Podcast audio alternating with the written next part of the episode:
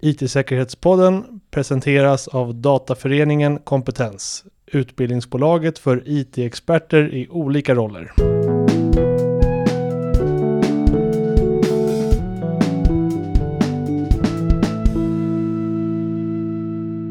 Micke Westlund och Magnus Andersson jobbar båda på Omega Point och arbetar inom säkerhet. Så vi tänkte resonera lite med dessa två herrar om omvärlden ur ett säkerhets säkerhetsperspektiv. Ja, livepodd och allt. Omtagningar och postredigering är totalt förbjudet. Vi är live! Hur som helst, Mikael har en mer teknisk synvinkel och Magnus har en mer strategisk synvinkel. Och då på så sätt så täcker vi in hela säkerhetsområdet. Så hur börjar vi här då? Jo, för drygt en månad sedan riktade överbefälhavare Mikael Bydén en tydlig uppmaning till svenskarna. Förbered er för krig. Mm, Okej, okay. muntert. Eh, Verkligen. men eh, med den ingångspunkten så tror jag att vi kan grotta ner oss tillsammans med senior IT-säkerhetsarkitekt eh, Mikael Westlund och informationssäkerhetsspecialist Magnus Andersson. Och jag är Mattias Jadesköld och Erik är... Det är Erik. Ja, precis. Du lyssnar på IT-säkerhetspodden. Mm. Så välkomna Magnus och Mikael då. Stort tack. Stort tack. Och ni jobbar ju som kursledare här på Dataföreningen Kompetens. Eh, varför det? Varför det? Varför? Ja, precis. Ja, varför gör vi det? Ja. Det är en del av vårt jobb, eh, men det är också eh, ett väldigt roligt eh, tillfälle att få dela med sig av vad man förhoppningsvis kan.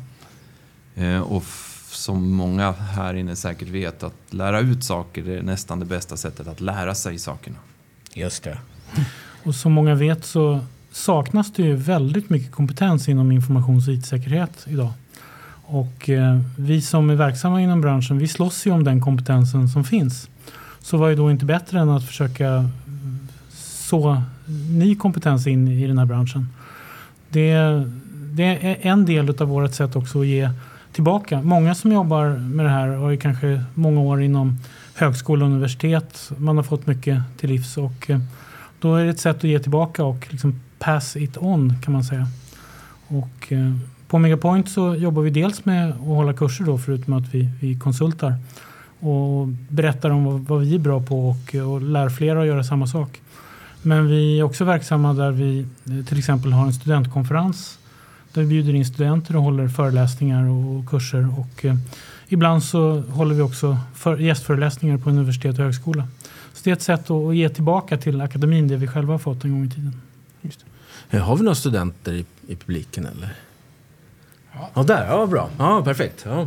Ja, för vi försökte ju, jag eh, skickade ut till lite olika skolor här så att, ja. Bra. Eh, om vi säger så här Mikael, hur ser en vanlig dag ut för dig? Ja, förutom det uppenbara med att den börjar på samma sätt som kanske vem som helst annars med lite fr- frukost och, och sådär. ja. Så, Ja, vi behöver så- inte ta alla morgonrutindetaljer.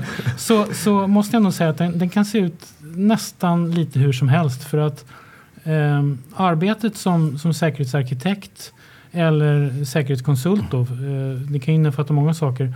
Det är väldigt brett. Eh, ibland har jag en linjeroll som konsult och då, då är det liksom vanliga uppgifter som man har som anställd på ett företag. Eh, ibland så går jag in och gör riktade utredningar och analyser och skriver rapporter. Och eh, ja, efter 2020 här så har det blivit mycket distansarbete så att jag tillbringar ju en del tid hemma framför skrivbordet och, men gärna ute hos kund då, så att man, Mm, man träffas personligen. just det. Och, och Magnus då? Eh, har jag fått siffrorna rätt här? Snart 22 år på på Megapoint, eller 21 år? 22 snart. 22, Om ja. man ska vara noga. Eh, ja, eh, och- det stämmer. Så jag ja. har varit konsult väldigt länge. Och varför blev det säkerhet för dig då? Ja, varför blev det säkerhet? Bananskalsprincipen, får man ändå säga. Nej, men det, det började en gång i tiden med att jag eh, gick ut från eh, högskolan och eh, det var 94. Eh, Det var inte bra tider. Så ringde det någon och sa, hej, vill ni ha exjobb här och skriva om smarta kort? Om ni kommer ihåg eller vet. Jo. Jo, Eh, så det gjorde jag och sen var det kört. Ja, Så du menar att du ramlade in på ett bananskal? Ja, ja precis. då, då förstår du fruktreferensen. Ja. Ja, bra. Eh, ÖB då.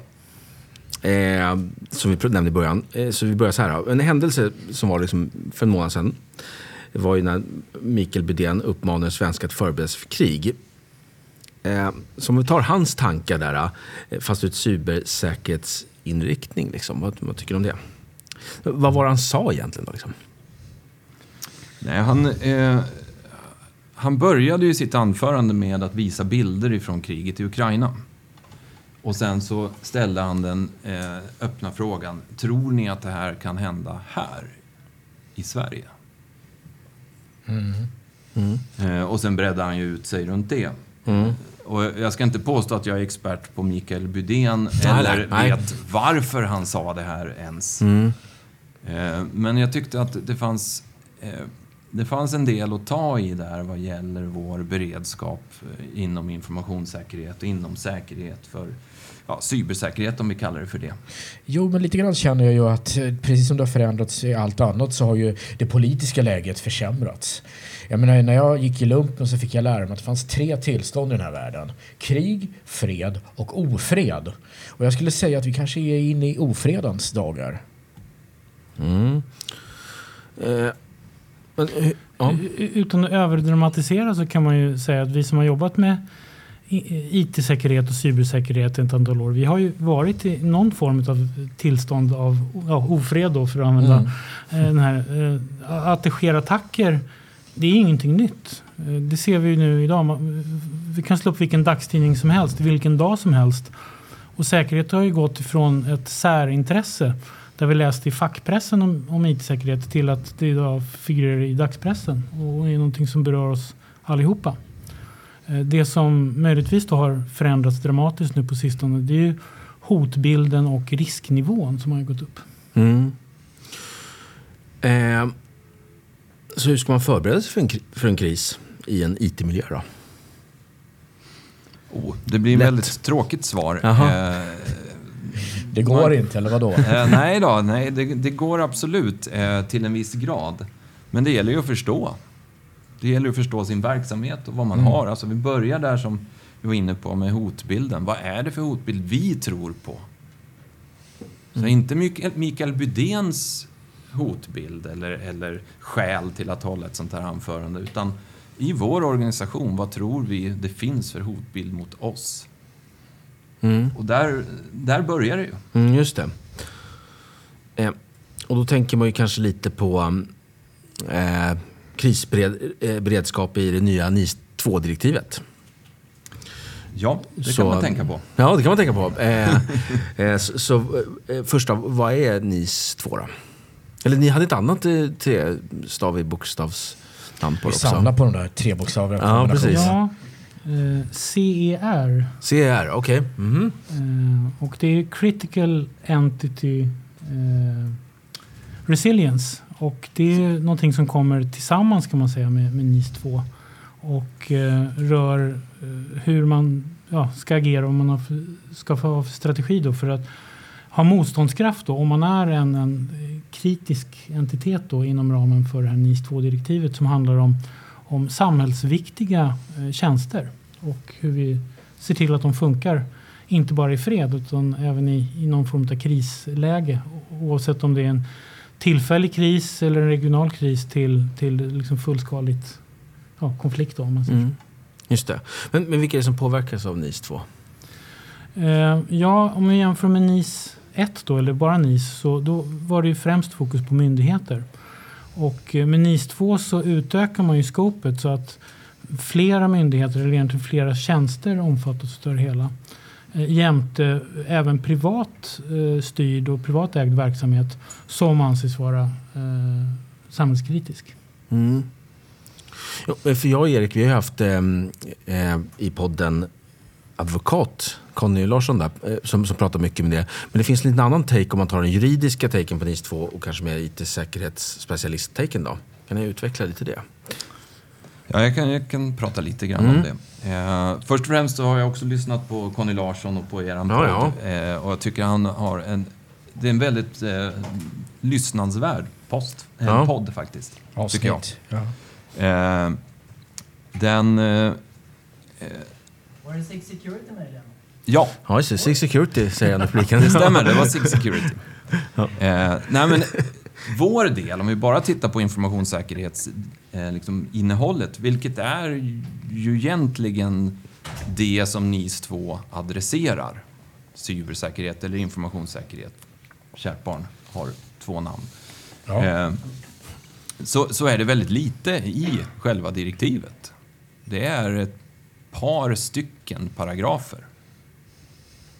Eh, specifikt eh, är det då eh, artikel 21 och punkt 2 som är den mest innehållsrika.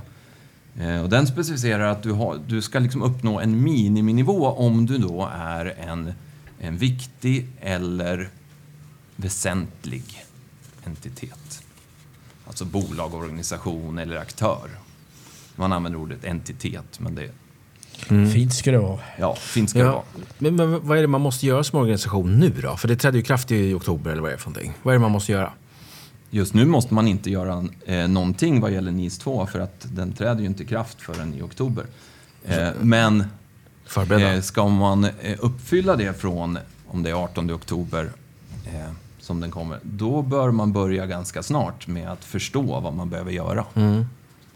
Vi har ju några dagar på oss här fram till den 23 februari då statens eh, utredning då på regeringens uppdrag ska komma med ett förslag till eh, hur vi ska införa det här som lag i Sverige. För det är det som är vitsen med ett EU-direktiv att det är inte EU som stiftar lagen utan man ålägger ju respektive medlemsland att själva stifta lagen. Och vi har ju ett visst handlingsutrymme att bestämma skopet eh, för detta i Sverige. En sån het potatis är ju till exempel huruvida kommuner omfattas eller inte omfattas av NIS 2.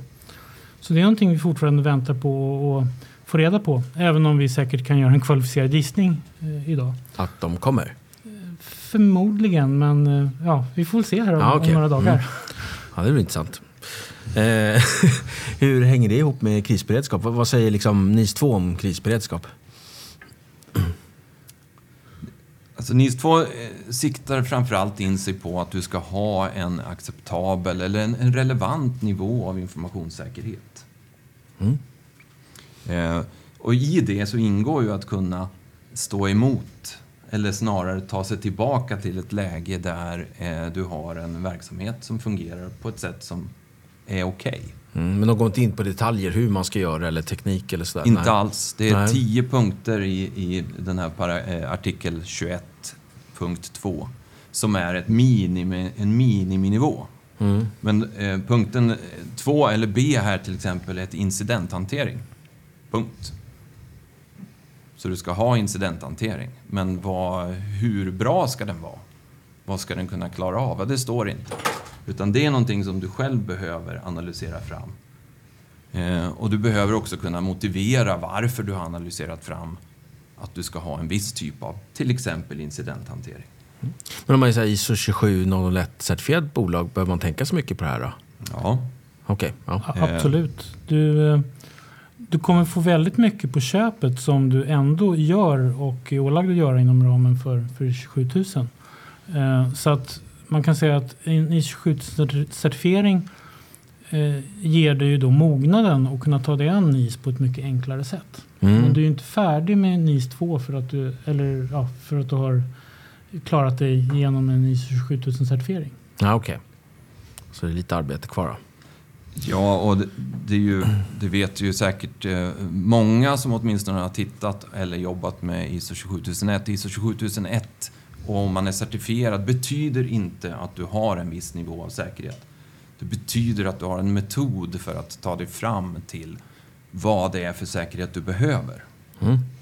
Men vilken, vilken nivå du har valt att lägga dig på, det säger in, eh, certifieringen ingenting om. Men vad är det vi behöver göra nu liksom? Eller, eller så här då, vad är det vi behöver bli bättre på enligt honom tror du? Eh, Jag, tolkar då utifrån mitt perspektiv med informationssäkerhet och strategisk informationssäkerhet så, så har jag valt att tolka det som att vi behöver börja fundera lite, lite mer på säkerhetsaspekterna. Eh, Med det sagt så är det väldigt lätt att sitta här eh, fyra stycken IT-säkerhetsexperter och informationssäkerhetsexperter och liksom ha det perspektivet. Men det vet vi väl förmodligen alla att en organisation har inte bara ett säkerhetsperspektiv som de ska... Nej. De finns ju av en anledning och oftast handlar det inte om att anledningen först och främst är att de ska vara säkra. Ja, precis. Men det blir ju högre på agendan, upplever jag i alla fall de senaste åren. Ja, det har vi ju sett tycker jag. Mm. Det, alltså, det är väl det som jag tror.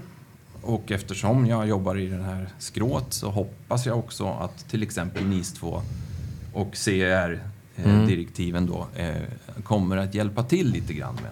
Precis som vi såg 2018 med eh, GDPR. Ja, just Eh, det. Där vi tog liksom, eh, den enskilda individens integritet på allvar. Mm. NIS 2 blir ju lite för organisationerna oavsett om det är en myndighet eller en, en privat entitet. Eh, vad GDPR blev för oss som privatpersoner och våra personuppgifter kan man ju se det som. Mm. Grovt förenklat men, men eh, jag, jag tror att det kommer bli rätt stort för rätt många företag som kanske inte riktigt har förstått vidden av NIS 2 ännu idag. Ja, just det. Ja, har du hittat rätt i manuset Erik? Ja, jag tror det. Om att hålla saker hemligt? Ja, jag var precis det jag tänkte säga. Då får du köra den då. Ja, men då kör jag på det. Om jag säger att hålla saker hemligt tycker jag att eh, eh, man kan sätta ett lika med tecken med att det kommer till IT-säkerhetsarbetet. Håller ni med? Vad betyder att hålla saker hemligt? är väl en bra fråga. Mhm. Eh, eller motfråga då. Eh, nu är ju inte IT eller informationssäkerhetsarbete bara att hålla saker hemligt. De Nej. klassiska aspekterna av informationssäkerhet in- inbegriper ju också att eh, hålla saker och information riktiga. Ja, precis. Det är ju det här man kallar CIA-triaden. Confidentiality, integrity, availability. Och det du Precis. pratar om, in- integrity, det är att hålla saker korrekt. Exakt. Så- Och tillgäng tillgänglighetsaspekten som du också nämner i availabilityn. Eh, det är mycket det som NIS 2 riktar in sig på. Tillgänglighet. Våra tjänster, våra samhällsstöttande tjänster ska vara tillgängliga. Mm. Varför är det så? Varför är det så? Mhm. Vill, vill vi ha rent vatten i kranen? Vill vi ha livsmedel? Vill vi kunna tanka bilen? Eh, Etc. Om vi jämför med vår klassiska eh, vän sedan tidigare då, säkerhetsskyddslagen, så, så tar ju den avstamp i, eh, ja, om man ut, utgår från den militära gröna delen då, mycket konfidentialitet och hålla saker och ting hemligt. Eh, Men NIS 2 kan man ju säga då fokuserar betydligt mer på att hålla saker och ting tillgängliga och fortsatt fungerande eh, Just det. i mycket större skala. När vi ändå har pratat om krisberedskap och det geopolitiska läget, är det en bra metod att göra så här? Alltså jag tänker liksom... Om man har ett krisarbete så känns det som generellt sett i IT-branschen att man håller det hemligt. Liksom. Eh, det, ja, så är det ofta. Är min erfarenhet åtminstone. Mm. Att vi talar inte gärna om vad vi har för planer. Nej. Eh, Nu blir det lite mer eh, ett, ett, vad ska man säga, lite mer öppet informationsflöde i, i, i och med NIS 2. Där du måste göra vissa saker. Du måste rapportera till exempel. En av de andra punkterna som berör oss eh, direkt är att vi har en rapporteringsskyldighet vid incidenter. Mm. Just det. Men jag tänkte på så här, eh, vi- Mikael, du som har, du har jobbat som flygare ju. Ja, det är en långvarig hobby. Så att jag, jag har Ah, inte jobbat som pilot, men jag, har, jag hade flygcertifikat eh, innan jag hade körkort för bil och har, Okej. har flugit under många år och eh, är insatt kan man säga i säkerhetsarbetet inom flyget. Ja, precis. Och du hade en ganska intressant eh, jämförelse hur man jobbar med inom flygbranschen med haverikommission. Haveri, Kommissionen ja. Kommission, ja, Ja, precis. precis. Och IT-branschen. Det är lite olika take på det. Ja, om, man, om du tittar på en klassisk haveriutredning så den syftar ju kanske inte till att hitta en syndabock utan vad var det som hände och varför? Och hur kan vi se till att det här som inträffade inte händer igen? Och om det ändå händer, hur minskar vi konsekvenserna av det som händer? Och så kan vi lite självkritiskt titta på oss som jobbar inom IT. Är det så att vi gör nya misstag hela tiden eller kan det vara så att vi kanske gör samma misstag om och om och om och om igen? Ja, precis. Ehm, och där tror jag vi har mycket att lära av det säkerhetsarbete eh, som, som pågår inom flyget då, eh, sedan länge. Ja, men, men så jobbar vi inte riktigt. Utan Nej, vi gör alltså oftast samma misstag igen. Vi, vi, vi, precis, vi blir bättre och bättre med tiden. Och, eh, man kan ju säga att en skillnad mellan IT-branschen och flygbranschen är att flygbranschen är ju då väldigt mycket mer reglerad. Mm. Det har vi traditionellt inte sett lika mycket av inom IT-branschen, även om det kommer. Så att eh, för de som tycker att det är jobbigt med regleringar så kan man ju ändå trösta sig med att eh, det är en av förutsättningarna för att vi ska kunna jobba mer systematiskt med att faktiskt göra någonting åt allt det här eh, som händer inom IT nu. Mm. Så allt det här ger en säkerhet som vi inte hade innan. Det är ett stort steg på vägen mot, mot bättre säkerhet. Kan Mm. säga. Hur ligger vi till tidsmässigt Erik? Du som är Vi har klock. 25 minuter Ja, men då hoppar vi vidare till huret tycker jag. Yes. Om det är okej. Så att lite så här. Nu har vi pratat om de här stora penseldragen, lite strategiska och såna här saker. Eh, och bli lite hands-on då. Liksom, om man ska skydda sig mot en cyberattack idag. Eh, så, så är det lite upp till varje företag och organisation att göra det själva. Liksom. Men man tänker sig att det är ett samhällsproblem nästan. Men hur, hur, ska man, hur ska man göra det som, som eh, organisation och företag? Jag tror inte att det finns några omvägar till, till god säkerhet. Du, du måste ju veta vad bra säkerhet är för just dig Mm. Och, och ta avstamp i det, lite som, som Magnus var inne på tidigare.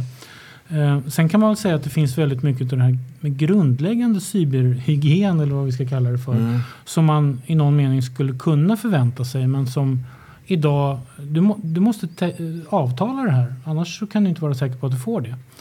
Eh, där håller det ju på att ske lite förändringar också med eh, du har ju den här CRA, Cyber Resili- Resilience Act Mm. Eh, som innebär att leverantörer och tillverkare och utvecklare av digitala produkter, tjänster och mjukvaror är då skyldiga att ta med eh, säkerhet i designfasen, implementationsfasen och sen även under produktens eller tjänstens livslängd faktiskt jobba aktivt med sårbarhets, sårbarhetshantering och se till att du, att du får tillgång då till säkerhetsuppdateringar. Men, men jag tänker så här, liksom, eh, eh, om man tar till exempel en kommun eh, som kanske ska, ska fokusera på sjukvård och, och sina medborgare, och skola och såna här saker. Är det verkligen meningen att en kommun ska eh, behöva investera i cybersäkerhet eller är det liksom ett samhällsproblem nästan? Eller? Det är väl lite utav både och men jag, jag brukar se säkerhetsarbete mycket som ett kvalitetsarbete. Och inom Mm. kvalitet så ingår det många saker, till exempel säkerhet. Och alla organisationer måste ju ha ett kvalitetsarbete som anpassar så att det blir rätt kvalitet för, för den kontexten med den verksamheten som man bedriver. Mm. Och eh, det gör att du måste förstå vad, vad du håller på med. Om det nu är skola eller sjukvård eller Mm. någonting inom, inom kommunen med, med hemtjänst. Eller vad det nu är för, för andra tjänster. Och eh, hantera säkerheten där. Sen, sen tror jag väl i och för sig att eh, många kommuner har en rätt likadan verksamhet som andra kommuner har. Mm. Så att det finns samordningsfördelar där. Eh, som man skulle kunna få i större utsträckning i framtiden. Mm. Ja, men för, lite, lite inne på att här stora attacker och avancerade attacker, det är ju nästan som ett, en attack mot vårt samhälle. Liksom. Mm. Och det är ju svårt för kanske alla organisationer att, att klara sig mot en sån. Liksom. Ja, det är ju svårt att låta alla vara, eller för alla eller vem som helst att vara expert på att både jobba med säkerhet och, och att bygga den motståndskraften. Så att jag, jag tror att mycket handlar om att kunna kravställa tjänster och produkter eh, från ja, till exempel då kommuners eh, sidor. Mm. Ja, eh, då ska vi se. Ja, just det, det här var intressant. Eh, så här, hitta vår säkerhetsnivå. Så pratade vi om lite förra veckan när vi hade lite sådana här. Eh, hur ska man göra det? Nu, nu tänker jag att man, är liksom, man har sin organisation och sådana här saker. Hur, hur ska man hitta sin egen säkerhetsnivå? Nej, men då är vi tillbaka igen till, om vi börjar med liksom, vad är det för hotbild vi ser emot oss? Och då behöver vi inte prata hot i form av att det kommer eh, en rysk hackergrupp. Utan vad är det som kan eh, hota vår verksamhet att fungera som vi vill? Det kan ju vara egentligen vad som helst. Det kan vara ett internt hot, alltså vi, har, vi gör fel på vårt jobb. Och helt plötsligt så har vi, kan vi inte leverera de tjänsterna som vi vill. Eh, Så det gäller liksom att spänna upp den här hotbilden då. Det låter väldigt liksom antagonistiskt när man säger hot och hotmodellering Mm. och så här. Men, men man måste se det för vad det är. Alltså att den hotar att vi kan vi, eh, göra, eh, bedriva vår verksamhet som vi har tänkt att bedriva den. Eh, Och har du koll på den, och den kan bli rätt stor den där, om vi kallar det för en hotkatalog eller vad vi nu vill kalla den för. Eh, och, är normalt ganska bred. Liksom i, I allt ifrån då antagonistiska hot till interna hot eller Mm. Eh, Men har du den klar liksom som en, en, en mall eller någonting du kan gräva ur, då kan du gå vidare och titta på just min specifika IT-tjänst och säga vad i den här tjänsten som jag har och äger eller förvaltar, vilka hot är det som skulle kunna vara liksom realistiska för mig? Mm. Hotkatalog. Precis. En liten lista helt enkelt med hot. Ja, man, en lathund kan man väl kalla det för. för, Mm. för, för eh, som, som man kan använda när man i det specifika fallet ska titta på sin egen tjänst. ja, precis. Just det. En slags eländesplanering kan man se. där, där du måste ju kunna väga de olika hoten som du har identifierat mot varandra. Så att när du väl sätter igång och börjar jobba praktiskt, kavlar upp ärmarna, så ägnar du dig åt rätt saker. Eh, Så att du inte bygger skydd och lä- lägger ner hela din säkerhetsbudget på ett hot och så visar det sig att det i själva verket fanns någonting annat som var ännu farligare och ännu jobbigare där som, som Mm. du förbisåg. Just det. Och vad gör man om det hotet som dyker upp inte finns i katalogen då? Då hoppas man att eh, eh, de människor som har gjort sin egen hotanalys har hittat det i alla fall. Mm. Eh, men har man inte gjort det så är det ju fortfarande inte säkert att det finns, eh, alltså att det hotet kan förstöra din verksamhet. För i den klassiska informationssäkerheten så säger man ju att okej, vi, måste- vi har ett hot, men för att hotet ska kunna realiseras så måste vi också ha en sårbarhet. Så det blir ju nästa steg att vi tittar på, har vi några sårbarheter? Det blir mycket lättare om du vet vilka hot du, du försöker att värja dig emot. Mm. Eh, Krävs lite omvärldsbevakning där kanske? I, I hotsteget krävs det definitivt omvärldsbevakning. Men när du kommer ner på sårbarhetsanalysen och tittar vad har du för sårbarheter, eh, då får du börja titta på din tjänst igen och säga ja, hur, hur har vi byggt den här? Hur administrerar vi den? Vad finns det för, för eh, skydd eh, liksom i, i skalet eller i infrastrukturen? Men det där, med, det där med omvärldsbevakning är ju någonting som säkerhetspersoner ofta slänger sig med. Det är ju ganska svårt tycker jag. Mm. Mm. Men har ni något tips där? Jag tror att det kan vara bra att ta hjälp av de som kan det. Ja, just det. Ja. Eh, och, eh, det finns ju olika tjänster man kan, man kan prenumerera med, med olika typer av SOC-tjänster som kan göra allt ifrån att bevaka och hålla koll på din, din IT-miljö till att eh, hålla koll på omvärlden och se vad som dyker upp på radarn Mm. som är relevant för din verksamhet och din IT-miljö. Mm, just det. Eh, Och för att koppla tillbaka lite till det som Magnus sa där med, med eh, motståndskraften och, eh, och incidentberedskap.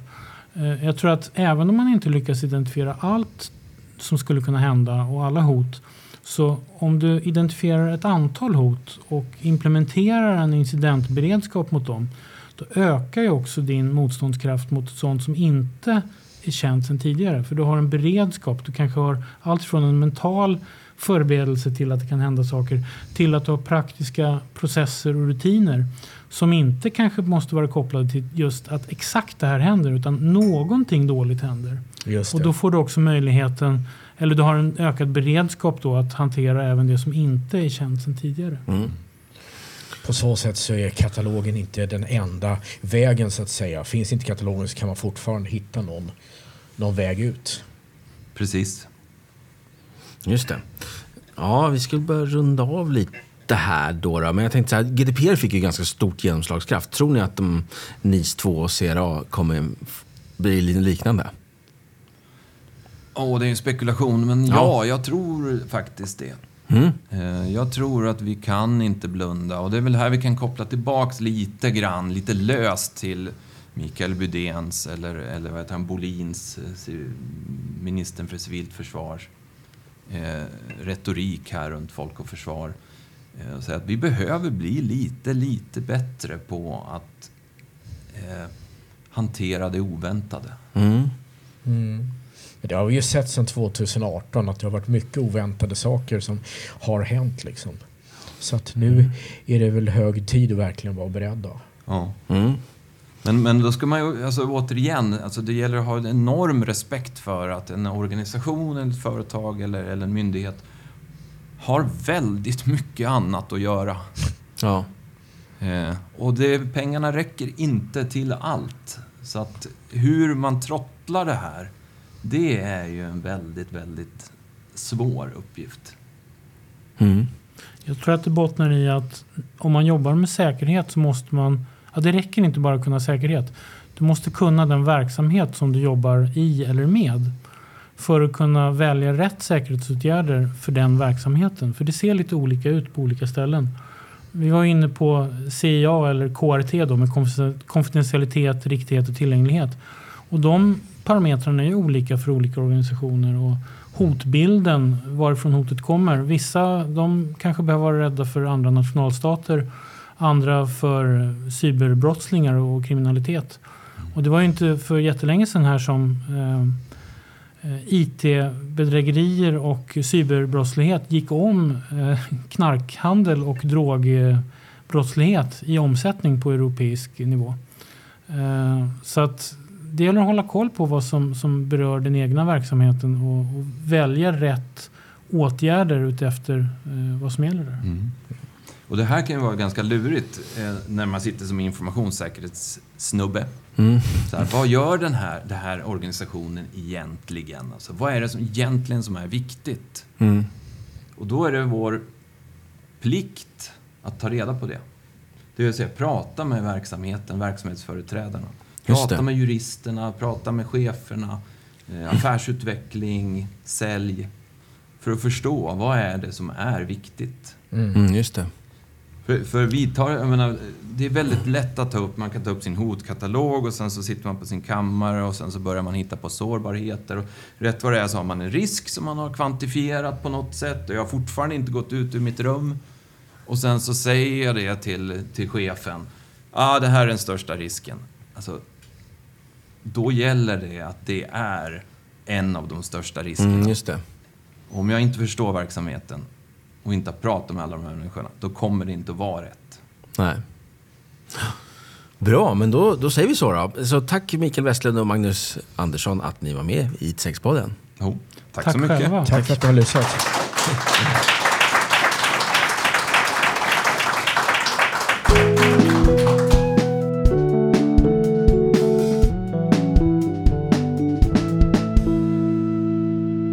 IT-säkerhetspodden presenterades av Dataföreningen Kompetens, utbildningsbolaget för IT-experter i olika roller.